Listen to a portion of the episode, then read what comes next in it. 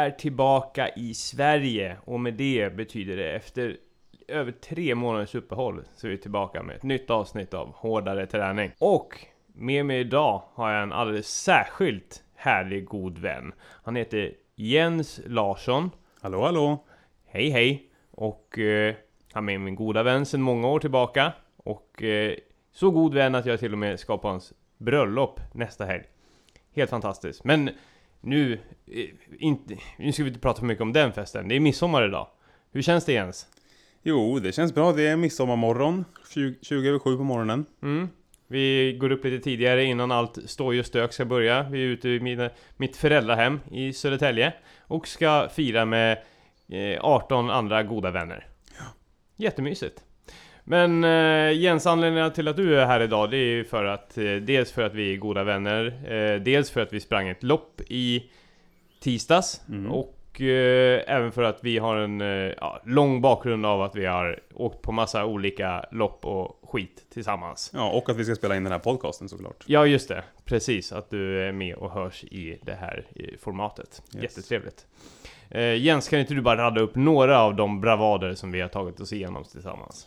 Ja, precis. Vi har ju stött, stöttat varandra genom eh, en mängd olika utmaningar. Bland annat en svensk klassiker, alltså Vasaloppet, Lidingöloppet, Vansbrosimmet och Vätternrundan. Mm, det var en lagom dos helvete. Mm. Mm. Eh, sen har vi sprungit eh, Stockholm Marathon ihop och eh, åkt Vasaloppet ytterligare en gång fast på natten, Nattvasan alltså. Mm, som ett riktigt lag.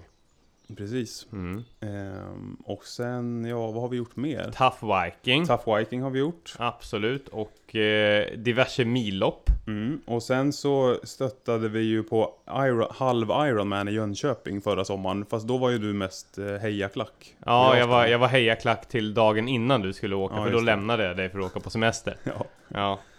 Jag vann biljetten till dig eh, i en eh, Facebook-tävling kort och gott. Mm. Ja. Och i höst ska vi springa... Har du tackat mig nog? ehm, jag vet inte hur mycket man bör tacka någon för Nej. en sån eh, lidelse. Ja, du kan ju passa på att tacka mig nu. Ja, men tack. Ja, varsågod. Ja, precis. Och sen har vi lite bravader framför oss också. Höga Kusten Trail. Ja, 43 kilometer längs med Höga Kusten. Ja.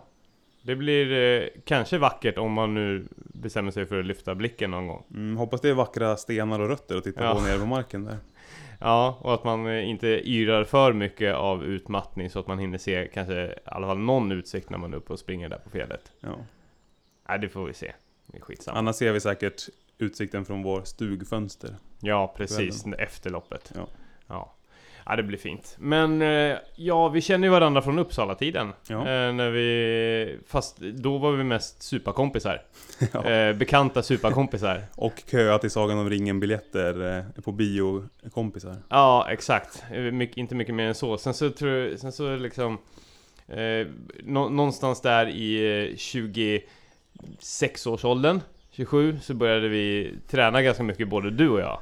Ja. Vi växte ifrån det här superiet, In- inte helt och hållet kanske, men eh, vi, vi började i alla fall träna ganska intensivt och det tror jag jag lade märke till i sociala medier och sånt där. Sen så skrev vi, ja men ska vi ta och springa lite grann tillsammans någon gång? Vi åkte väl också på ma- massa resor tillsammans innan dess. Vi har ju varit till exempel i New York tillsammans. Det har vi varit i en och på vecka. fe- festival i Spanien och på Ja. festival i Ungern. Ja, ytterst träningsfritt, alltihopa Ja. det där. Mer åt det dekadenta hållet. Ja. Ja, nu, båda, nu är vi båda renlevnadsmänniskor. Mm. För, förutom idag. Idag kanske vi inte är det. Nej, idag blir det några två åter. Ja, ja jag ska dricka en kvarting och åtta starköl. Okej. så, så det blir kul. Ja, nej men Jens, eh, som sagt var, vi sprang ju ett, eh, ett eh, lopp i tisdags. Just det. Add Nature Amazing Trail 20 km i Hellasgården. Mm. Det var ju tufft för båda oss på två olika sätt kanske, kan man säga. Ja, Ja, man kan, man kan säga det, var, det är ju ett eh, traillopp i Hellasgården arrangerat av OK Ravinen. Eh, en orienteringsförening. Som tur var så var det inga orienterare som sprang för då hade vi ju åkt på ännu mer däng än vad vi redan åkte på. men det var ändå de, det var de som hade planerat banan tror jag. Så att, ja, och de är ju väldigt duktiga på att springa i skogen. Så att Ja, för en vanlig person som är van att springa på stig så, eh, eller på väg så var ju det här eh, en utmaning. ja, det var lite smått teknisk terräng. Och för eh, mig som har varit i Asien i tre månader, eh, där är i, pri- ja, inte mycket, inte mycket till natur där i de städerna som jag var i i alla fall. Eh, så det, utan det var mest platt eh, mark runt eh, en s- små parker på 500 km sling, eller 500 meter slinga, inte 500 km slinga. Eh, så det var ju ganska, ganska tufft kan man ju säga. Och för mig som är från Uppsala där det inte finns någon backe. Ja, Eller det är finns väl en upp... platt jävla Ja. stad. Ja, alltså du fick några extra höjdmeter där kan man ju Mm. säga. Eh, men hur som helst, det var ju ett kvällslopp, vilket är kanske ganska unikt också. Mm, men det var ju härligt så här midsommarveckan och eh, jättefint väder och sådär. Ja, precis. En tisdag och på kvällen. Och ja, men det var ju fortfarande väldigt varmt och fint väder. Mm, Typ runt eh, 23-24 grader kanske? ja. Ja. Vi startade väl kvart över sex och var i mål st- strax efter åtta tror jag. Ja. Ja, ja, det var underbart. Men eh, vad var din taktik på loppet då? Hur, och hur kändes det som att det gick? Jo, men jag hade ju tänkt att jag skulle springa ganska lugnt, för jag vet att man kan bli trött om man eh, liksom hoppar eh, runt mellan klippblocken där i skogen. Ja, För mycket för tidigt i loppet, så att jag tänkte ju ta det lite lugnt i början. Men det var ganska trångt i början och då känner man liksom att man inte vill vara i vägen för folk och sådär. Om man Ja. dras med lite i strömmen liksom. Så precis. Och det ska ju också sägas att det var en massstart för 6 km, 10 km och 20 km Mm, så alla samtidigt. som skulle springa loppet överhuvudtaget startade exakt samtidigt. Det var ju lite lurigt att positionera sig där. Mm. Och samtidigt veta vilken eh, rygg man skulle ta. För Mm. den ryggen man kanske av misstag tar, kanske ska springa 6 km och sikta på att ta sig runt på 20 minuter. Precis. Ja, Så att, eh, och så tillämpades så kallad eh, kompissidning, alltså att man i startfållan får stå precis var man vill efter eget samvete, eller samvetessidning kanske man kan kalla Ja. det. Att även om man vet att man kommer vara långsammast av alla, får man stå längst fram. ja eh, och blockera för, för alla fartvidunder. Alternativt springa med i 500 meter och sen så stupa. Så det man får göra, det är att i startfållan så får man kolla och se efter någon som eh, man tycker ser ungefär lika snabb ut som en själv och ställa Mm. sig vid dem. Vad, vad, vad går du efter då? Kropps... Eh, Nej, det är bara gadgets och outfits. Ja, men och, om, man ser, om du ser någon med vätskebälte, tänker du att den är snabb då? Eller tänker du att den är en... Eh, Ja, jag tänker nog ändå att den är lite erfaren kanske. Alltså Ja. att det inte är första gången den springer i alla fall. Ja, Men eh, det är ju, typiskt sett så har man ju inte så mycket tung vätska på sig om man vill springa snabbt. Särskilt Ja. inte om det finns vätskekontroller längs med banan. ja, precis. Ja, sen så kanske skor. Hur, om, man, man kanske ska börja känna lite oro ifall skorna är helt rena kanske. Ja, man, ja just det, du fick ju låna skor där. Så ja, att, eh, så folk måste ju tro ja att jag du var såg skit- ut som värsta nybörjaren. Ja, Men det, man, man såg ju också många som hade liksom eh, ma- man kunde ju titta lite på skosafari där. mm, Att vissa hade ju eh, maxade Hoka One One Trails Mm. och vissa hade liksom sina vanliga asfaltspjuck liksom. ja precis. Så man såg ju också erfarenhetsgraden. Ja, och jag hade ju dessutom en jävla Crossfit t-shirt som jag hade fått låna av dig. ja, Så måste, måste ju tänkt att jag var en långsam buffel bara. 100% bomull. Ja, jag skulle säga det att anledningen till att jag dels lånade en Crossfit t-shirt och eh, lånade ett par trailskor på plats, det var för att mitt bagage eh, fortfarande, eh, fyra dagar efter att jag landat, är kvar någonstans i Moskva. Så där är alla mina skor, alla mina träningskläder och allting, så då får jag låna lite kors och tvärs. Och bröllopskostymen. Bröllopskostymen som jag ska bära på ditt bröllop som jag skräddarsydde i Hoi An. Den är borta. Mm. Mm, alltså det är good times. Eh, nej men så, så det var helt utru- ny utrustning för mig men det var ju grymt också för det var Ad Nature som sagt var som var en av eh, huvudsponsorerna till loppet. De var på plats och lånade ut eh, splitter nya Salomon-skor. Jag Vilka- tror att det var Salomon faktiskt som lånade ut dem. Var det Salomon som Ja. lånade ut dem? Fan, det ska man ju ha koll på. eh, hur som helst, eh, det var massa, då, då det förklarar varför det bara var Salomon då. Eh, så det var massa snabba Salomon-skor som man kunde kuta runt i. Och det funkade perfekt, ingen skav eller någonting. Så det var härligt. Men hur upplevde du loppet annars? Hur... eh, eh, jag tänker den tekniska terrängen, hur, var det mycket backigt? Hur, hur jävla jobbigt var det? Alltså det var ju inte extremt många höjdmeter. Det var inte så att man sprang upp och ner för berg liksom. Nej. Men, men det var ju bitvis väldigt tekniskt. Ja. Eh, åtminstone jag kunde inte springa hela, eh, exakt hela tiden. Nej, det var ju Emellanåt så var det ju Ja. lite som att man klättrade med händerna och eh, eh, ja, gjorde höga knän i princip för att komma upp för klipp. Ja, det var ju ett par rejäla backar. Mm. Eh, som gjorde att man fick liksom, i och med att vi var 20 km klassen och inte var bergsjätte som orienterade där, fick man ta en liten snabb promenad. Mm. Ibland så går det ju snabbare att gå upp för. Och sen så var det ju också, eh, banan var snitslad med några eh, ja, färgglada band. Men när man springer trail i sån där teknisk, på sån där teknisk stig, då tittar man ju mest ner på Mm. stigen för att inte ramla och dö. Ja, Eh, precis. Så då ja. fick man ju liksom offra en sekund åt att titta upp efter nästa snitsel. ja, det kan ju ha varit kanske två eller tre ställen där jag blev lite förvirrad.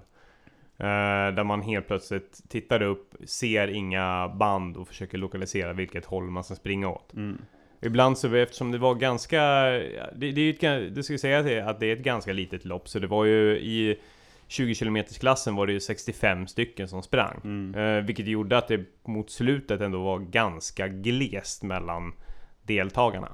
Ja. Eh, Så det kunde vara så, på ett par ställen så blev det att man blev lite snurrig och var tvungen att ja, vrida ett par varv för att hitta nästa väg som man skulle Ja. springa. Jag offrade bitvis lyxen att springa i mitt eget tempo mot att eh, ha någon som sprang framför mig. Att jag såg till att springa lite snabbare än vad jag egentligen ville, eller lite långsammare än vad jag egentligen Ja, ville. Bara för att någon skulle ligga framför mig och visa vägen. Ja, det- så jag det- skulle slippa titta efter de där snitslarna. Ja, det är, det är ju jäkligt skönt att ha det liksom. Men det är kanske lite synd att behöva vänta på någon sådär på det sättet. Eller hålla ett annat tempo. Mm.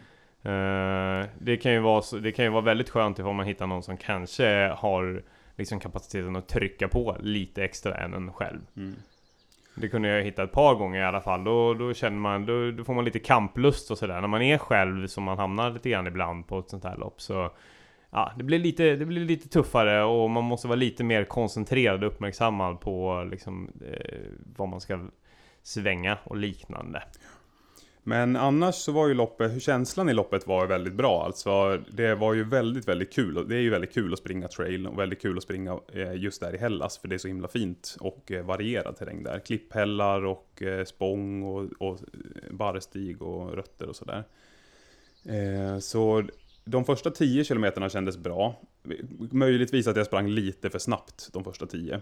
Mm, det är klassiskt. Ja, stannade lite grann på vätskestationen på nummer 10 och svepte i mig en gel och lite vatten. Mm. Du, vad, vad ty- tycker du om gälls? Tycker du det är bra smak på det? Och skulle du Alltså kunna... jag har ju hittat en gel som åtminstone funkar, som jag kör på nästan alla lopp. Det Mm. enda, alltså den är ju inte supergod, men den går ju ner. Mm. Ehm, och eh, det är ju bara det att den är väldigt dyr. Ja, Så det, alltså, att köpa de där gelsen inför loppet kostar ju oftast nästan lika mycket som startplatsen ja loppet, det, liksom. det, är ju, det är ju vidrigt. Mm. Alltså hur mycket pengar man kan lägga på det. Jag tror liksom... När jag sprang Ultravasan så tror jag att det kostade mig en 600-700 spänn kanske eller Mm. någonting. För, för den maten under loppet. Och Det är ju, det är ju nästan ett eh, eh, Michelin-besök. Ja. Och nästan lika gott också. Ja, nästan. Ja, det är faktiskt det är slående likheter där. Men kände du att du kroknade någon gång eller hö- hö- höll du i hyfsat bra hela loppet? Eh, jag tror att de kilometerna ef- direkt efter 10, alltså efter vändningen, eh, var nog de långsammaste. Då var det några som eh, pinnade om mig. Ja, Ehm, och då liksom det började klucka lite i magen efter de här, att man hade svept några koppar vatten och dragit i sig några. Och Mm. Då, det, helt plötsligt, jag, när jag, mitt när jag sprang där på eh, stigen så tänkte jag, gud är det liksom någon som springer med en vattenkanna i handen Ja. bredvid mig? Eller vad är, vad är det här kluckande ljudet? Nej men då var ju det liksom från min egen mage. ja. Att varje steg så vände sig runt allt det där i magen.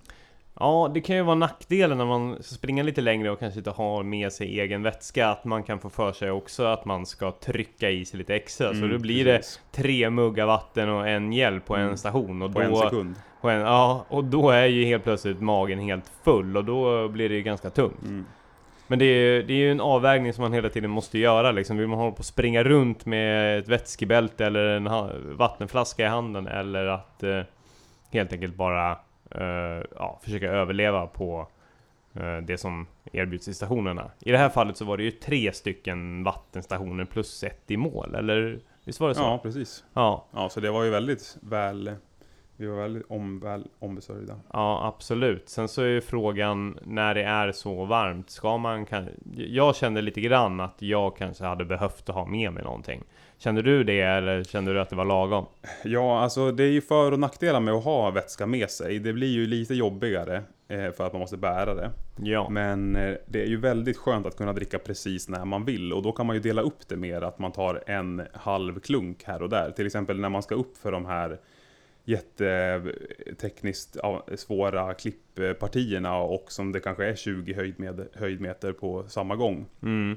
Då är det ju ganska skönt att ta en liten klunk när man kommer upp eh, för att, ja, att eh, skölja ur käften Ja, enkelt. ja precis. Ja, men det, det var ju några sådana tillfällen då jag kände fan att jag inte hade med mig något eget vatten. Och det var ju allt från liksom att folk sprang med västar till att man hade någon liten handhållen till att man Mm. hade ett midjebälte liksom.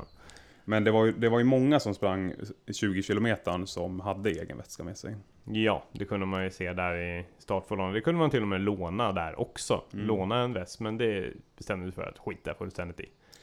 Jag hade ju förresten egen väska med mig på Göteborgsvarvet i år. Ja, Ehm, och det var ju också sådär eh, både positivt och negativt att eh, det var ju lite jobbigare än att springa bara med t-shirt. Men Mm. eh, det var ju väldigt skönt för att där är det ju många vätskekontroller. Och eh, folk tenderar att stanna och vara väldigt långsamma vid dem där. Och att det blir köbildning och folk står still och man förlorar mycket mer Mm. tid än vad man eh, tänker. Speciellt om man har någon sorts plan på att springa ganska Ja, så nu kunde jag bara ligga i vänsterledet och bara bränna förbi de där vätskekontrollerna och suga lite på mina egna vattenflaskor. Mm. Jag tror att egentligen, alltså det är inte så jävla mycket vikt som man lägger på. Det är liksom, kan det vara som mest något halvt kilo eller något Ja, där. alltså jag har två flaskor som väger, eller som är 500 milliliter, så att det är ju ett kilo. Ja, precis. Och det, och det gör faktiskt inte så himla stor skillnad när man, ja, som i mitt fall väger några kilon över 70. Eh, jag vet inte, vad väger du Jens? Ja, jag väger väl 82 skulle jag tro. Ja, ja, tack. Men jag är också kanske 40 cm längre än dig. Ja, det är du. Jag är en riktig dvärg i jämförelse med dig. Ja, nej men så jag tror att det är nog egentligen ganska mycket psykiskt och en eh, vanesak att springa med bälte sådär. Eh, än att det faktiskt gör någon sorts skillnad. Kanske ifall man verkligen ska pressa sekunder på ett eh, 5 km lopp att man kanske inte springer med ett midjebälte. Nej. Men nu i sommar så har jag sprungit lite på Upplandsleden också som ett sommarprojekt när jag har inte haft något så mycket att göra. Eh, och då har jag haft, alltid haft vätskebälte och smörgås med mig. Och så, Som Mm. jag har liksom druckit av och sen eh, ätit smörgåsen medan jag springer. För att vänja mig vid det liksom. Ja men det är smart. Mm. För eh, när vi springer Höga Kusten Trail där, då kan det ju vara en bra idé att eh, lära sig att man kanske inte bara vill trycka i sig. Nej. Nu kommer man ute några extra timmar. Absolut. Men fan vilket mysigt och genuint litet projekt du har. Ja precis, jag har ju långt sommarlov ja. Ja, Eh, och... Eh, ja du, är, du är en student. Ja, Ett precis. litet skolbarn. Då får man sommarlov. Ja. Tre månader. Ja. Ska sägas att du pluggar till polis. Mm, stämmer bra. Ja. Och nu har du sommarlov. Ja. Ja. Det är gulligt. Och så Så- ska du jobba på kollo. Ja, precis. Två veckor i juli Ja. kommer jag vara i, vid Julita utanför Örebro. Och, och eh, spela fotboll och paddla kanot. Fan vad mysigt att ha dig som kolloledare. ja. Kommer du ta ut dina kollobarn på några typ intervallpass eller liknande? Eh, nej, det tror jag inte. Eh, jag, har, jag har ringt eh, till eh, några deltagare för att se vad de vill göra för aktiviteter. Så vi ska planera en Mm. kalender med olika grejer att göra varje dag. Och om de får bestämma, då är det ju uteslutande spela tv-spel och titta på film som gäller. Är det ingen som har sagt att de vill springa 6 gånger 6 minuter? Eh, nej, är det Nej, inte. kanske inte så förvånande. Men om vi ska ta oss tillbaka till, Mm. eh, svävar iväg lite grann, men om vi tar oss tillbaka till loppet och, och hur det gick. Eh, slutspurten där då, när vi snackar om de sista kilometrarna, hur kändes det? Jo, men då, då fick jag tillbaks lite kraft faktiskt. Ehm, och sprang om de här som sprang om mig efter 10 kilometern. Eh, så då... Eh, ja, jag tycker att jag gjorde en liksom värdig inledning och avslutning av loppet. Och i mitten Mm. så var det väl lite sisådär. Ovärdigt. Eh, sen mådde jag ju lite pissigt när jag kom i mål. Eh, på grund av de här gälsen och skumpet och sånt där. Så jag Ja. hade lite sån här, jag vet inte om det är det som är löparmage, men jag hade ont i magen i alla fall. Ja. Efter löpning, så Ja, så det, det, vi kan väl kalla det. Eller gällmage. ja, precis. Kort och gott. Nej, det, jo, men det är väl det som alltid är risken. Och speciellt man vill ju inte hålla på och springa och träna på gälls och sån här skit. Liksom, Nej, det har man ju inte råd med. Nej, då, då är det det enda man kommer lägga sina pengar på. Inte en enda 2,8. Ja. Nej men det var ju det var samma här. Jag kände att jag höll ett ganska så jämnt tempo till ungefär eh, när det var 3 kilometer kvar. Då kunde man ganska se ganska tydligt i pulskurvan och i eh, hastigheten att eh, hastigheten sjönk radikalt och Aha. pulsen flög i skyarna. Oj, Men jag har för mig att det var ganska snälla sista kilometrar. Alltså Ja, att alla det var höjdmetrarna var ju mellan kilometer 5 och 15 ungefär. Ja, det var ju inte alls så att det eskalerade på slutet där utan det var ju helt enkelt bara att jag gick slut på energi. Mm. Eh, hade nog fått i mig kanske lite, jag hade önskat att jag hade med mig en gel till. Mm. Eh, och kanske att jag hade haft med mig lite vätska för jag kände, det blev så himla tydligt från att jag bara kände i kroppen att där switchade jag om. Ja. Nu, och då såg jag liksom eh, direkt liksom, det var från ena sekunden till den andra. Pulsen steg 5-6 slag. Eh, och jag orkade verkligen, benen bar mig inte att hålla det tempot som, ja, som jag hade hållit tidigare. Men det är sånt, sånt som händer liksom. Men du kom ju i mål eh, en bra bit före mig. Ja. Eh, Så jag såg ju inte riktigt din spurt och sådär. Men, Ja, Jag, var, jag gjorde ingen hjulning som du gjorde, det Nej. kan man ju lugnt säga.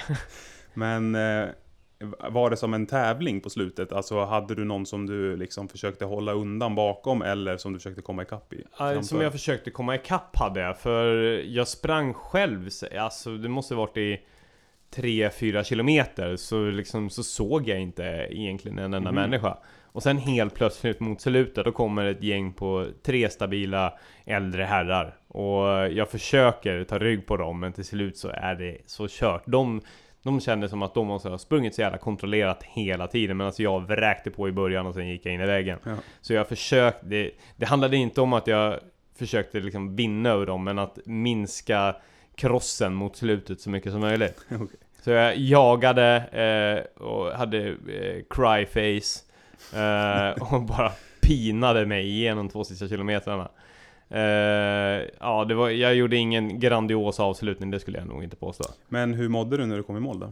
Eh, till en början så mådde jag riktigt piss och bara liksom ville lägga mig någonstans och, och ja, hyperventilera. Eh, men så fick jag, tryckte jag i mig vattenflaska som jag fick, fick en någon sorts cola och en wrap och så satte jag mig i gräset och, och tjongade i mig det där. Och då, Käkade du rappen? Nej, det gjorde jag inte förrän när jag åkte hem och det var Ja. ganska gott. Hummus. Mm. Nej, jag, jag ville ha hummus men jag fick eh, rödbetor. Okej. Ja, så det kan man tänka på nästa gång. Men det var eh, ju bra från eh, arrangörernas sida att det var att de bjöd dels på mat när man kom i mål och Mm. också att det var man fick välja mellan vegetarisk eller vegansk. Ja, det, ja, det var, ja, det, kände, det, kändes, eh, det kändes riktigt bra. Och Mm. riktigt mysigt val av arrangörerna på det sättet också. Jag gillar ju det när det, ja, att det blir en liten så här att man har någon lust lite grann att, att hänga kvar och sådär. Och att det finns en anledning att inte bara pina därifrån, att man får en eh, banan, en kexchoklad och sen så vill man bara kuta hem och, och Ja. käka. Nu käkade varken du eller jag någonting där på grund av att vi båda var ganska slut. Ja, ja, jag hade ju med mig den där rappen hela vägen hem till Ja. Uppsala sen och satt och tänkte hela tiden för jag var ju helt tom på energi och jättehungrig men det var ju den här gällmagen som Ja. eh, förbjöd mig att ens öppna eh, pappret och ta en tugga från Mm. den där rappen. Åt upp den sen när du kom hem då? Nej, jag slängde den. Du slängde den? ja, otacksamma jävla skitstövel. Men det var också bra av eh, OK Ravinen som arrangerade att de öppnade upp sitt eh, klubbhus för deltagarna så man kunde byta om där inne och gå på toaletten och duscha efter loppet. Mm. Ja, det var precis. Det var, så du tog en liten dusch medan jag satt och Mm. pillade med mobiltelefonen och väntade på dig? Ja, men det var fint. Mm. Ja. Ja men eh, det, det är ju bara att tacka och ta emot för det här loppet. Det här var ju en... eh, Det var ju riktigt, riktigt vackert också ska man ju säga. Ja, verkligen. Ja, riktigt Det vackert ju- och roligt till Det är det. lyxigt att springa på sådär fin stig tycker jag. Ja, och Särskilt om man kommer från Uppsala. ja precis. Vi har ju faktiskt bara varit ute i Hellasgården och sprungit på längs med deras terrängspår. Mer, ja, där det är lite bredare stigar Och och jag sådär. får mig att vi sprang vilse då. Ja, det kanske vi gjorde. Det gjorde vi säkert. Ja, men det, det, det var, övergick ju ändå lite grann till trail bara, även den där 10, 10 km slingan liksom. Mm. Ja, och sen så badade vi eh, isvak. Mm. Den gången alltså, inte nu. Inte nu nej. Nej, för nu, nu var det lite varmare än så. Ja. Ja. Och de hade ingen inomhus eh, isvak heller. Ska poängteras. Det var ett stort minus. Det var ett stort minus. De borde alltid ha dygnet runt, året runt en isvak. För alla som vill ta sitt dopp. Ja men eh, det var ju lite grann det vi hade om eh, Amazing Trail och vi tackar så mycket för det loppet och hoppas att de återkommer nästa år. Mm. Tack Eh, OK Ravinen, bra jobbat. Ja, det ska ju också sägas att de kommer ha ett eh, Night Trail-lopp. Kommer du ihåg vilket datum det var? Nej, September var det. I alla fall. Eller? ingen aning. Nej. Jo, vänta. Jo, men det var nog för att... Det var Vi väl ju en om- vecka efter Höga Ja, Kusten? precis. Och Höga Kusten är 7 eh, september. Så Så det det, var här är väl 14. 14. Ja, 14 september kan man alltså springa eh, Amazing Trail, eh, Night Trail. Jag är inte säker på att det var 14, men det var veckan efter då. Jag, jag tror att de flesta eh, av de som lyssnar här kan använda Google. Det är en googling bort bara. Eller någon annan sökmotor. Välj valfri sökmotor och googla på Amazing Night Trail. Så hittar ni rätt. Vi tror att det är 14 september. Lycka till.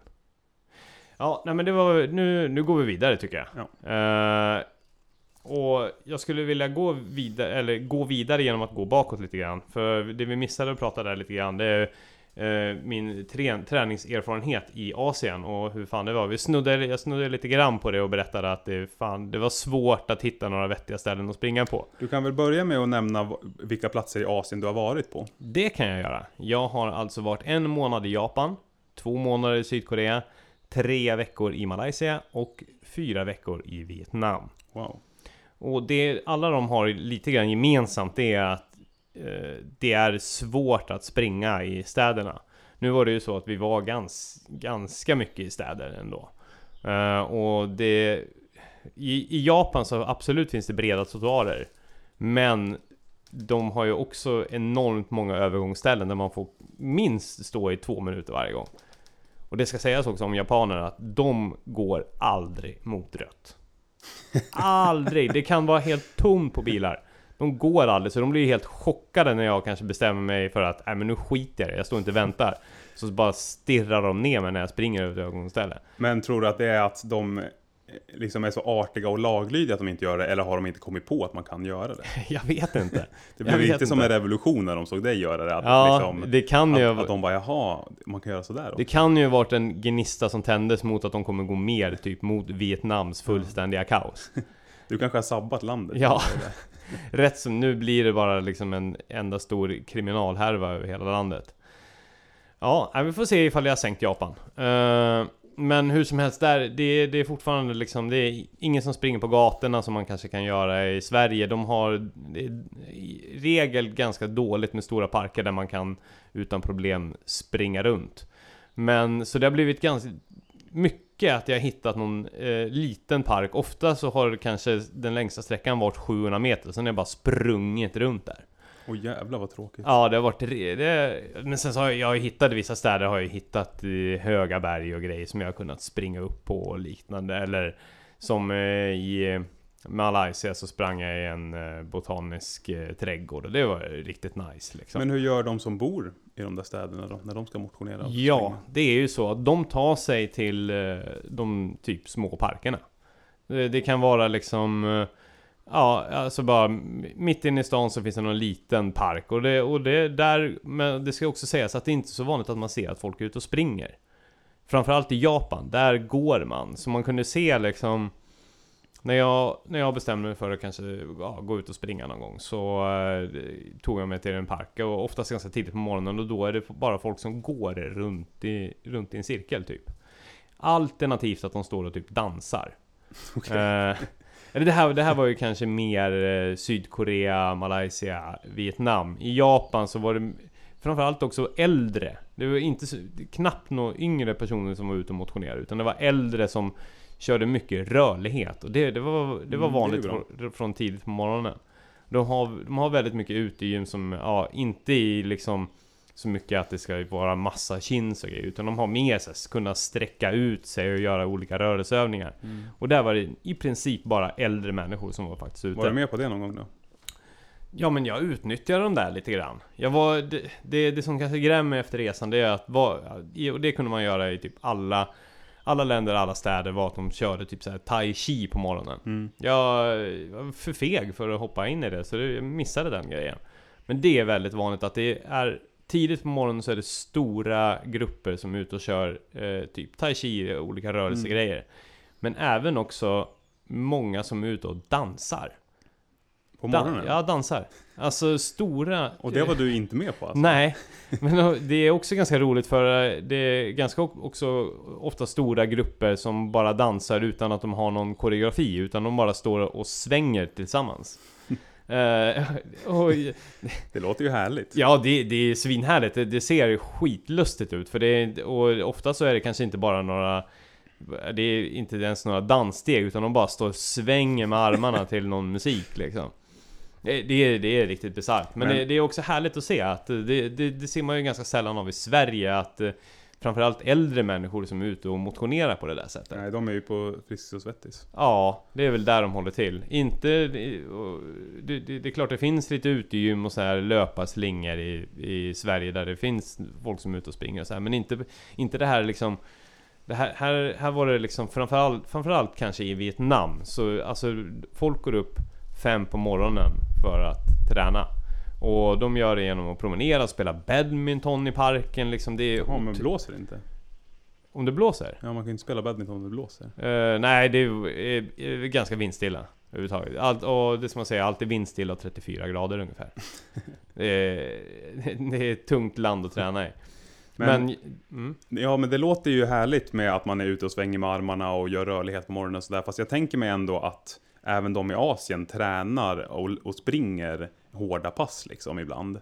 Eh, kan Så- det såg möjligtvis inte en vara... Nej, precis. Det var det jag skulle komma till. Kan Ja. det möjligtvis vara så att de har eh, ett sätt att löpa som du inte upptäckte? Alltså till exempel att det finns eh, eh, stigar nära städerna dit man kan åka, alltså som motionsspår liksom. ja men säkert. Alltså det var ju väldigt mycket, eh, bland annat när vi var i eh, Malaysia.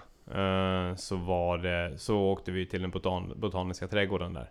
Och eh, där, där var det många som motionerade. Det, det, det var några som sprang men det var oftast liksom Ja, alltså det, det var, man, man kunde aldrig se liksom någon, som, någon dåre som jag liksom som skulle liksom pressa sig i, i tusen kilo, eller tusen meters intervaller liknande liksom utan det, då, då var det folk som bara stirrade ner mig.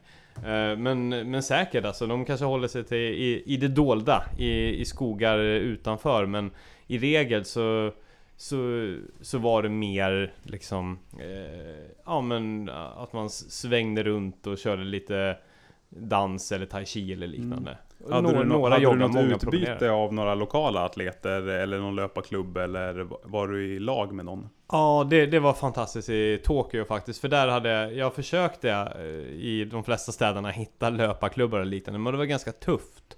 Tills att jag hittade en eh, löparklubb i, i Tokyo som eh, varje vecka kör intervaller på en eh, bana i centrala Tokyo helt Ja. enkelt. På en idrottsanläggning alltså? Ja, lite grann så som de kör med running, Göteborg Running Club i Göteborg så är det en ledare, det är helt gratis att vara med. Ja, de tar emot donationer liksom för att fortsätta sin verksamhet.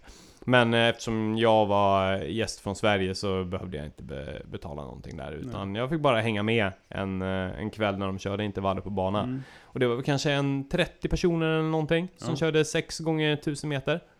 Eh, och fantastisk känsla att köra på bana och eh, Framförallt när man hittar, det, det var kanske ja, Det var kanske 5-6 personer som jag liksom hade, kunde ha en liten kamp med. Ja. Eh, och det var, ja, det var en jäkla upplevelse liksom. Och där på den just löparbanan Där var det sjukt många som tränade i och för sig. Ja. Så de söker sig kanske då, då till eh, löparbanor eller eh, eventuellt ute i parker runt om eh, städerna liksom. Mm.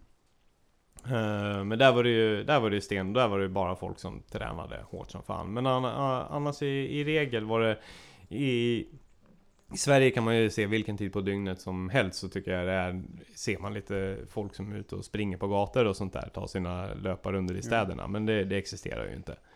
I Vietnam ska man ju säga att det gick inte för där har de ju inga trottoarer Utan där, där liksom går man ju tillsammans med mopederna. Eh, Så där är det helt omöjligt. Det var ju bara att glömma att ta en eh, löprunda i stan liksom. Men du sprang väl ett lopp också? Ja, jag sprang ett lopp i Malaysia, ett hinderbanelopp. Eh, som... Eh, ja, det var, det var ganska speciellt. Jag, jag var ju liksom inriktad på att jag kommer köra rakt in i kaklet. Eh, och liksom, ja men, eh, sp- spänna bågen och bara springa tills jag dör liksom. Mm. Det var ett 5 km lopp i eh, eh, Malaysia. Eh, I en liten badort eh, som heter Port Dickinson. Mhm. Eh, och jag hade valt också eh, betalat lite extra för att få i st- första startgruppen vilket, vilket hade en start på sju på morgonen. Mm. Så det var ganska Så det tidigt. kostar extra att stå i första sta- startgruppen? Ja, det var... Alltså vi snackar liksom... Ja, men anmälningsavgiften var typ 200 spänn ändå. Ja. Alltså svinbilligt. Men då fick jag reda på att det inte var någon tidtagning, vilket är... Ja, eh, till att börja med är ganska annorlunda mot Sverige där det bara är tider som gäller och man postar sina tider på Instagram och Mm. grejer. Utan här var det bara så här, nej det är ingen tidtagning. Eh, det var väl en 7-8 hinder, nej, ja, jo men ja, 8 hinder kanske på banan eh, av det lättare slaget. Eh, jag börjar i, i den främsta startgruppen då helt enkelt och där är det är några som man ser så här, ja, men de kommer, de kommer nog kuta på. Eh, men eh, sen så såg man också liksom att det var ganska stora grupper som hade färgglada t-shirts och Ja men det såg ut som att de skulle bara ut och, ut och latcha och så var det ju verkligen. Jag brände ju av fotsyn åt helvete det första jag gjorde. Eh, och försökte på något sätt eh, ja, spring, sp- springa för vinst liksom. Eh, och det var några stycken som var med mig där. Eh, och det andra, sen så kom det ju fram till att det kom till ett hinder där man var tvungen att vara två. Helt plötsligt, vilket jag inte hade Mhm. vetat någonting om tidigare. Och du var inte två? Nej, jag var ju själv. Jag var ju själv en liten svensk där som hade fått för sig att springa sönder mig själv. Så jag fick ju vänta på tvåan och för att genomföra det där hindret. Sen kunde jag kuta vidare. Och den tvåan var ändå benägen att hjälpa dig över hindret? Ja, jo absolut. Ja men det var man ju tvungen och det verkade ju på något sätt vara vedertaget att det är så det funkar. Medan jag som individualist vill ju bara springa själv. Men inte- stannade du och hjälpte tvåan då? Eh, ja, nej, men det var ju jag tvungen, eller det var jag ju tvungen att göra. Jag var ju tvungen att vänta in honom. Okej. För att vi skulle tillsammans kunna ta oss igenom hindret. och, det blev, och det hände två gånger. Men äh, berätta om samarbetet. Vad, vad var det man var tvungen att göra för att komma Fan. igenom hindret? Ja, Den här är ju svårt att förklara, men det, det var som...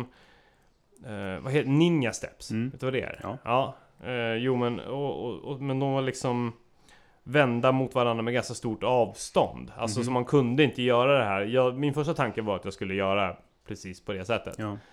Eh, men det var, det var för stort avstånd, så man var tvungen istället liksom... De, fan ska jag förklara det här? Men det var, man var tvungen att helt enkelt att eh, streta emot på varsin sida av de här och hålla varandra i Jaha. händerna. Och sen gå, Okej. gå sidledes ja, ja, ja. över. Okej, okej, då förstår jag. Ja, skittråkigt hinder var det. Eh, och, och sen så kunde jag springa vidare, men sen kom jag till ett till hinder som egentligen bara var en vertikal och skithal vägg. Som, som var så här, den är uppenbart för hög för att jag ska kunna Mm. ta mig över. Jag försökte några gånger, men de bara så här, nej, du måste samarbeta. Jag bara, ha.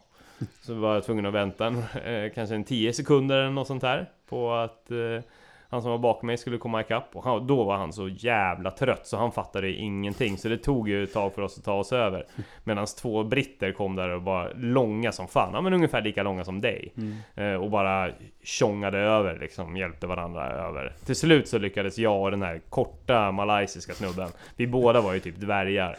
Eh, Vilket kan förklara varför jag hade lite problem med den där eh, eh, väggen helt enkelt. Men Ja, till slut så lyckades vi ta oss igenom det och ta i mål. Och sen så var det liksom helt plötsligt så eh, Mot slutet, jag spurtade liksom och försökte ta mig i mål. Och sen så helt plötsligt då var det så kom det det sista hindret Vilket jag inte visste var det sista hindret för jag trodde det var något annat längre fram.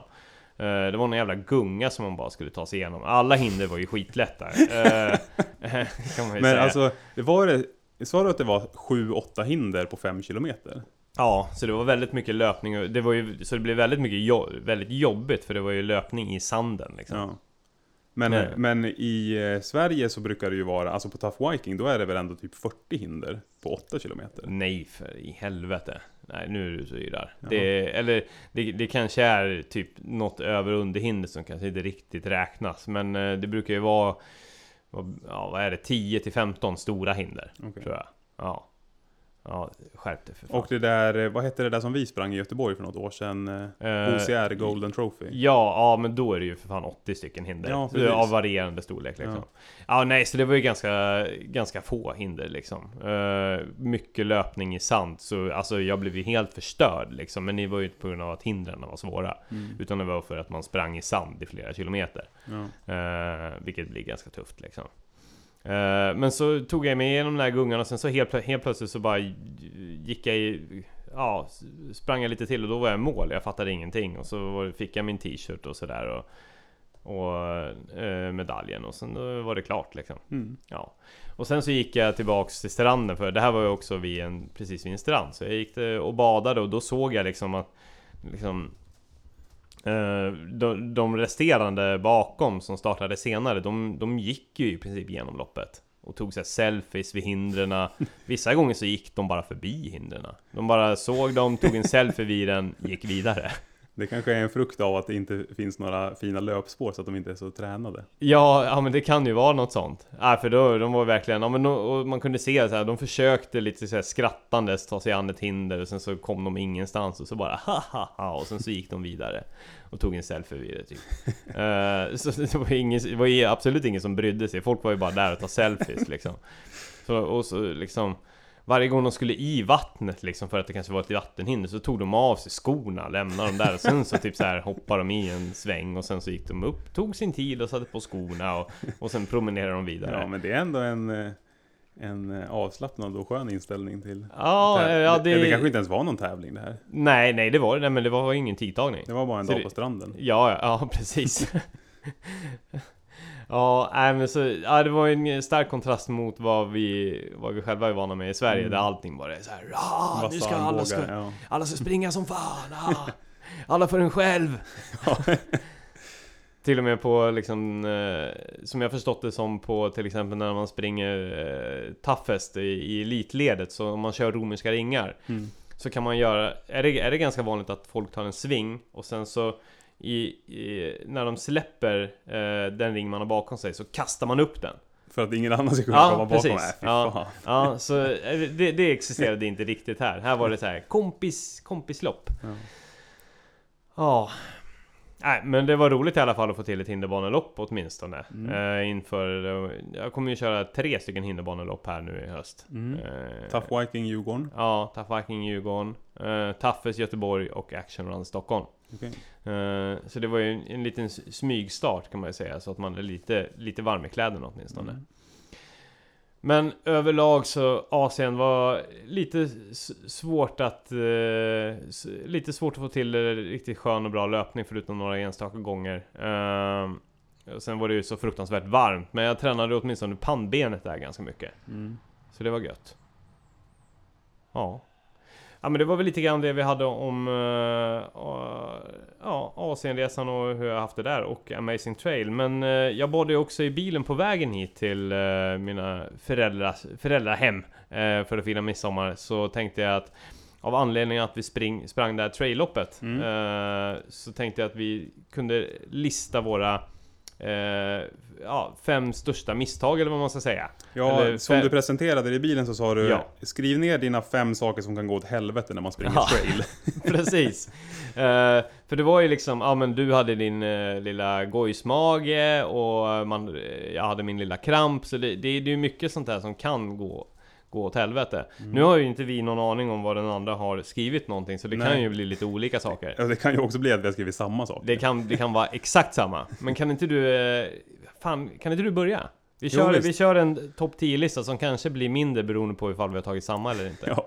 Ja. ja, min första punkt är eh, att man kan tycka man kan råka tycka att det är så roligt i början av springturen, när man är pigg, att man hoppar som en puma mellan klippblock och stenar. Så att man blir helt sopslut i benen efter halva distansen. Ja, och jag, jag har ju någon eh, liknande kan man ju säga. Eh, ut, utmattning till följd att man har kass koll på terrängen. Eh, ja men liksom, Mm. ja, just det här liksom att man, eh, man tror att man har mer energi och stuns i benen än vad man egentligen har. Och så, För, för det är ju väldigt roligt att springa trail. Det är ju väldigt kul att liksom eh, man känner sig lite som en eh, superhjälte liksom som studsar fram mellan Mm. olika ja, men eh, man, svår, ja, det är som små minihinder i skogen kan man Ja. säga. Och eh, det är ju liksom, det är ju skoj helt enkelt att hoppa eh, och ta långa kliv liksom och eh, ja, Mm. eh, bemästra terrängen snabbt. Men det brukar ju man få betala tillbaka mot slutet av rundan när man har typ eh, 100 i stegkadens och eh, så kommer det en rot som man inte ens orkar hoppa Ja över. liksom. precis, det klassiskt är ju att man eh, Att man börjar mot slutet när eh, blicken är lite dimmig och man Tappar koncentrationen att man eh, ja, rasar fram genom loppet helt enkelt. Det har jag gjort några gånger, framförallt i början när jag började springa trail. Ja, nej men så... eh, det ska man passa sig för och, och kanske ha lite grann med i beräkningarna att inte, inte springa så hårt och försöka springa lite mjukt liksom. Speciellt om man har lite längre lopp och ja... Och det, det för mig in på nästa liksom, eh, och, och som har, är lite, eh, har lite grann med det här att göra. Det är utmattning till följd att man har kass koll på terrängen. Det är just att till exempel inför det här loppet så hade ju vi ingen aning om vad är det för höjdprofil. Eller du hade spanat lite grann men det var ju fortfarande liksom, man visste ingenting. Nej, man kunde ju se med blotta ögat att det inte fanns några slalombackar där som man Ja, skulle springa det, upp för. det men, kunde man ju eh, göra men... Eh, det var, så det var ju inte, vi var ju aldrig egentligen särskilt högt upp, men det var ju mycket upp och ner. Mycket liksom 20 höjdmeter på kort tid eh, upp och sen 20 höjdmeter på kort tid ner. Eh, många Precis. gånger liksom. Precis. Så det är ju lätt att man eh, ång- ångar på och tar... Man, det blir helt enkelt att man får ta en chansning. Det, det kan liksom komma en, eh, en backe mot slutet som gör att man fullständigt klappar ihop på grund av att man har kört stenhårt och inte räknar med alla de här små höjdmetrarna liksom som tillsammans blir ganska många. I det här loppet, tro, jag tror att det var runt 300 höjdmeter på 20 kilometer Ja. enligt eh, när, man koll, när jag kollade efteråt i eh, profilen helt enkelt. Det är ju inte skitmycket egentligen, men det är ju ganska mycket för att vara i Mälardalen liksom. Ja, verkligen. Och det för mig också vidare till eh, att det blir karatesparkar på varenda rot till följd av sviktande fokus. Ja, Ja, när blicken börjar bli dimmig, ja, det, då, då, då är det rätt att man drar några rejäla sparkar. Gjorde du det? Eh, alltså det var någon gång som jag sparkade i så att jag, alltså jag ramlade inte och gjorde en kullerbytta eller sådär, utan ramlade och satte i händerna och då är man ju ganska snabbt upp igen. Ja. Men tycker du att det är ett problem för att det går långsammare att springa och sparka på rötterna eller är det för att man får ont i tårna? Jag, jag, jag bryr mig nog inte så mycket om att jag får smärta och blånaglar, utan det handlar bara om att det går långsammare. Ja, just det. Det är det enda jag är orolig för. Jag skiter i hur kroppen eh, ja, rasar ihop, utan det handlar ju bara om vinst.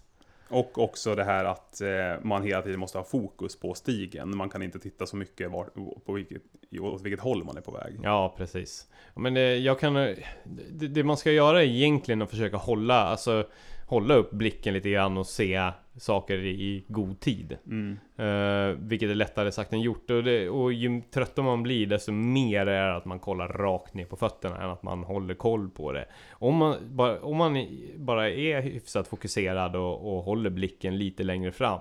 Då, då tycker jag ändå att liksom föt, eller fotstegen memorerar vart eh, vart man ska sätta fötterna i god tid liksom. Ja, Så, men ja det, det lär man sig ju med tiden. ja, ja, så är det. Vill du ta en eh, ny punkt?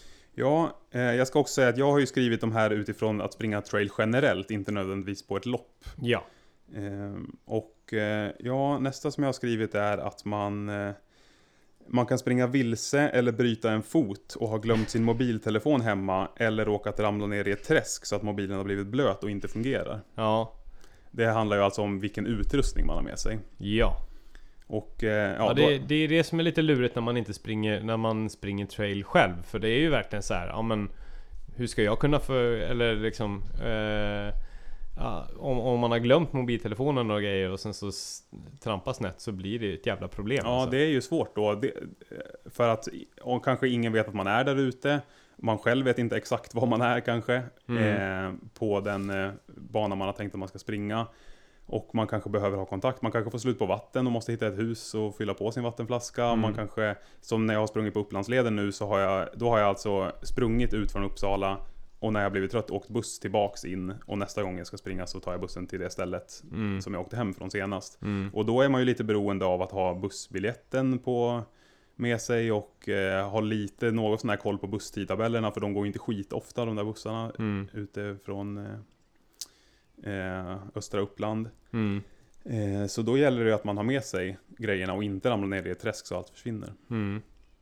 Ja, precis. Och på något sätt kanske egentligen eh, ha någon sorts koll på orienteringen och olika riktmärken för att man ska inte vara helt och hållet vilse.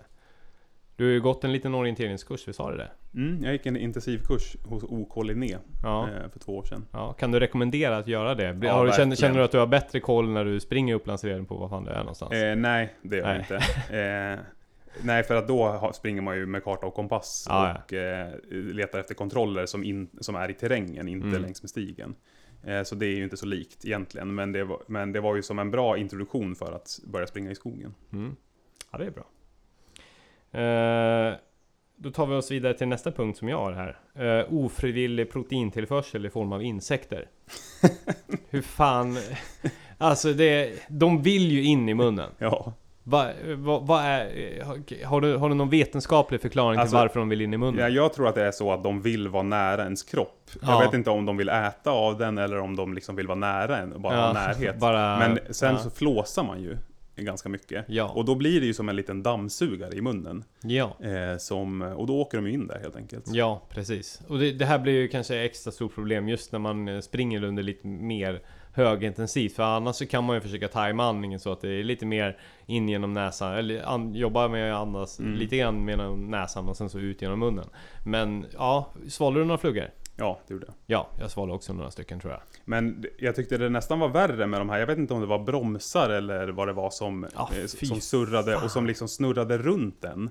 De kunde ju va- vara runt den i, i flera kilometer. De är så Och man, jävla man undrar liksom bara, men vad vill du? Ja. Det är som, ska du sätta dig och bita mig eller ska du bara surra, surra runt mig hela tiden? Ja men det, det är ju verkligen som att de bara kommer i en varv, Ja. ett varv såhär zun, Ja. zun, zun och man bara Vad vill du? Och sen så helt plötsligt så kan det vara en så här att de bara flyger rätt in i pannan bara, ah, det blir ganska jobbigt när man försöker koncentrera sig på att springa och inte rasa ner för en backe när det är en jävla idiot som snurrar runt den som bara vill förpesta ens liv.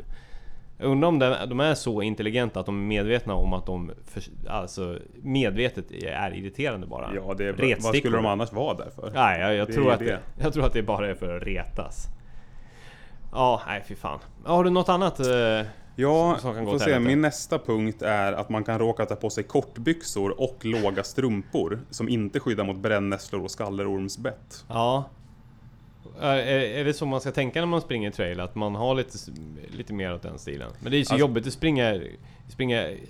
Höga strumpor är absolut en kanonidé. Eller långa tights. Ja, men det kan ju, men det kan ju vara lite framförallt att ha långbyxor när man eh, springer i 30 grader värme. Kan ju vara lite, lite jobbigt kanske. Ja, men det är ungefär som det där med vätskebältet, att man får se, man får tänka så här, är det värt det? Ja, Eh, och jag tycker att det är det. Jag tycker att det är skönt att ha, jag brukar oftast ha höga strumpor. ja, Eh, ja men det är ju när jag absolut ska bra springa, idé. alltså trail, för det kan ju vara, alltså den mesta delen av stigen kan ju vara att det är upp, liksom en stig i skogen som är öppen där det inte är massa växtlighet och skallerormar. Mm. Men eh, sen helt plötsligt så kommer man till någon äng eller någon eh, trång passage och då är det ganska skönt att kunna forcera och inte behöva titta ner hela tiden om det är brännässlor eller eh, ja, sånt som eh, man måste akta sig för helt enkelt. Ja. Helt, helt klart. Uh, nej men och, och det kan man väl göra lite grann. Alltså ofta så har man väl lite koll på hur liksom eh, hur högt eh, gräs det kommer vara och hur obanat det kommer vara. Ju mer obanat desto mer kanske man ska päsa på sig och eh, svälja att man kommer bli en svettpöl. Ja. Typ. Uh, Kalanka vurpor på slirigt underlag. Eh, välj Mm, rätt det, skor. Just ja, det. ja, det är viktigt. det, det är ju kanske framförallt eh, på höst och vinterhalvåret. Mm. Uh, fy fan, jag sprang ett lopp som heter Kåsjön Trail och där gjorde jag två stycken uh, riktiga såna här Kalle Anka-vurpor Ja. på spångar. Är livsfarligt och då kanske man... Det, det, kan ju... Att ha ett par eh, skor med dobbar Ja. kanske liksom... eh, Det är inte bara när det är is ute liksom. Nej. Utan det kan ju även vara när det är blött ute. Särskilt med metalldobbar då. Ja, Mm. precis. Ja, vi sprang ju det här eh, Ice eh, Bug Backyard Challenge. Ja, vad det hette, i- Backyard Trail. Ja, Ja, Backyard precis. I Trail i Göteborg. höstas i Göteborg. Ja. Då var det ju, jag, var det i typ i oktober eller november? Ja, precis. Eh, då var det ju ganska blött och rått ute i skogen och det var ganska mycket spång. Ja. Eh, och då, då var ju Icebug där, eller vi var ju hos dem egentligen, och, Mm. eh, och då fick man låna eh, skor med metalldobb Ja. om man ville. Och det gjorde jag. Det är och, så jävla skönt för då slipper man hålla på och tänka på att man måste vara försiktig också. mm, Eh, så det kan ju vara liksom en idé, bara det är lite blött ute så tänk på att de där jävla spångarna kan eh, ja, förstöra en. ja. Ja. Har du sprungit eh, swimrun någon gång? Nej, jag är en usel simmare. Därför håller jag hållit mig ifrån det. För, för där är det ju ganska viktigt också att ha bra grepp i skorna, för där kommer man ju upp eh, många gånger ifrån vattnet och Ja. ska springa på klipper Ja, vid vattnet. Så Ja. då gäller det att ha bra grepp också. ja precis. Och du har väl ett par eh, swimrun-skor, amfibieskor eller vad fan Ja, heter precis. Eh, Salomons amfibie. det? Det är ju egentligen deras vanliga terrängsko, fast att eh, hela meshen runt foten Mm. är... ja, Jag vet inte vad den är gjord av, om den är gjord av gummi. Det är i alla fall inget tyg, så att den, det är inget vatten som sätter sig i den. Nej, Så, så fort man kommer upp i vattnet så tar det bara några steg så är de helt... Alltså helt torra är de ju inte, men de väger i alla fall inte mer av vattnet. nej precis. De har inte sugit åt till allting som vissa sådana här härliga eh, uppbyggda ASIC-skor och sånt där Nej, till exempel precis. kan göra. Absolut. Eh, och sen så tänker jag alltså det, det, det är riktigt erfarna traillöpare, de vet ju att det är eh, nerför som man sparar jävla massa tid. Och det är lätt att man som nybliven trailare eh, Ja, helt enkelt tittar kanske lite för mycket ner och tar lite för många steg nerför. Man ska våga hoppa och skutta som en jävla dåre. Mm. Det, det, du riskerar ju ditt liv, men du kommer ju fram snabbare. Ja. Ja, hur, hur, hur, känner, hur trygg känner du dig i nedförsbackar när det är lite mer teknisk trail? Jo, men jag tycker det brukar gå ganska bra. Jag tror inte jag är snabbast av alla nerför. Nej. Eh, men jag är inte jätterädd för att springa på teknisk stig neråt. Och sen så har jag ju ganska långa ben, så att jag brukar ju bara fälla ut dem liksom och eh, Ja. ta trippla Ja, steg. ja, det har jag känt när jag är ute och kutar med dig att just i nerför då, då får jag fan jobba lite hårdare för att hinna ikapp alltså. Mm. Du tar ut de där jävla långa benen och flyger som en dåre. Och det, det ska man ju göra nästan lite grann i trail också. Det, ju duktigare man är på det desto, desto snabbare är man liksom. Mm. Eh, Ett bra förslag kan ju vara att veckla ut armarna lite grann som en, eh, som en fågel. Eh, och hålla balansen på det sättet. Ja, precis. Så, så kan man göra lite viktöverföring med armarna. Så Ja, att man inte ramlar. ja precis. Ja, nej men eh, du- då är egentligen bara en punkt kvar. Har du någonting mer? Ja, jag har... Eh, eh, jag har skrivit så här. Det, det kan ha varit storm sen någon, någon sprang på leden senast. Så det kan finnas massa nedfallna träd och rotvältor på stigen som är svåra att ta sig förbi. Ja, som igår till exempel. Ja, just det. Igår Ja. var vi ute och sprang i ditt vanliga milspår här. Ja. Och då var det Eh, ett stort jävla träd Mm, som hade rasat i vägen. precis. Det låg ju i och för sig... Det var ju ett ganska... Inte skitstort träd som Nej. låg rakt över vägen. Så att man såg ju vägen fortsätta på Ja, andra ja. sidan. Ja. Men till exempel där på Upplandsleden. Jag tror att det var en, en stor storm i Uppland för kanske två år sedan. Och det här är ju en bra bit utanför stan och det är inte jättemånga som... eh, Ja, eller det är väl många som går där, men det är liksom inte, den är inte superväl underhållen. Ehm, så på vissa ställen i skogen så det kunde ju ligga liksom 20 träd Mm. eh, över eh, 20 stora tallar liksom över stigen. Och då är det ju inte bara att klättra över dem. Det gick liksom inte, utan man får ju gå runt dem helt enkelt. Och då var det inte alltid helt lätt att hitta tillbaks till stigen Nej. efter. Och skulle det vara, då, då, jag hade ju ingen brådska då när jag sprang Upplandsleden, men skulle det vara typ eh, ja, någon gång när man ville komma snabbt fram, då, ja, det kan vara lite svårt att hitta tillbaks till dit man ska. Och det käkar upp ganska mycket tid. Ja, det kan vara ett jävla helvete. Men eh, det, ja, ja, Man, eh, det, då får man ju bara kuta ännu snabbare i obanad terräng. Det blir det är ju kul det också. Kan man säga. Eller något. Ja. Eh, hur som helst, det var... Det var är, du, är du klar med dina punkter? Nej, jag har en kvar faktiskt. Ja, okej. Hade inte du en kvar också? Jag har också en kvar. Ja, men då, jag säger min första. Ja. Eh, man kan råka äta och dricka för mycket för fort så att det skumpar runt i magen eh, när man springer på ojämnt underlag så att man måste kräkas. Ja. Men det har vi ju redan pratat om att eh, Ja, man får ju- sån där gällmage och löparmage. Och, Precis. Det är ju kanske egentligen bättre att, dricka eh, lite och äta lite, Mm. lite oftare. precis. Ja, och eh, vid törst, det är oftast när det kanske är, har, man har tillgång till vatten lite för sällan så skopar man i sig som en jävla dåre. Eh, på kort tid, tre muggar och sen så är, det, är man fucked liksom.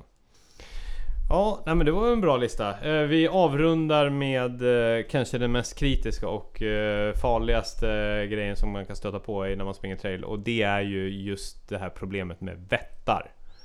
Som, som gömmer sig Att det finns så mycket troll i skogen? Ja, eller? ja. det. Ehm, har du, när du stöter på vättar, vad, vad brukar vara din taktik för att hålla dem undan? Alltså det, jag brukar alltid tänka så här, ska jag stanna och prata med trollet Ja. eller ska jag lägga benen på ryggen och springa snabbare? Ja, ja, alltså att liksom uh, föra en diskussion på något sätt med dem och ja men liksom att eh, visa att du är en god vän. Eller, eller, eller att springa. Eh, min erfarenhet är att de är ganska osamarbetsvilliga och att de, eh, och att de inte riktigt eh, är så bra att, att prata med liksom som, som man hade hoppats. Ja, det blir ju ofta så att man bara lägger benen på ryggen. Ja, de är ju ganska bra på att misstolka vad man säger till, till, att, det- att, det- att det är något hotfullt. Har jag oftast märkt. Du sprang ju förresten Ultravasan Ja, i somras. Ja. Och då har man ju hört, jag har aldrig sprungit så långt, 9 mil. Eh, men man har ju hört av ultralöpare att man kan få hallucinationer ja, eh, när man springer långt. ja. Eh, jag vet inte om det där var att det kvalade in på den listan, att man kunde... liksom nej, nej, det, det, jag, tror att, jag tror att det är för kort. Ja, Jag tror att det är för kort. Eh, jag tror att för, för att börja kanske eventuellt eh, se vättar så kanske man måste nog åtminstone springa 160 km. okej.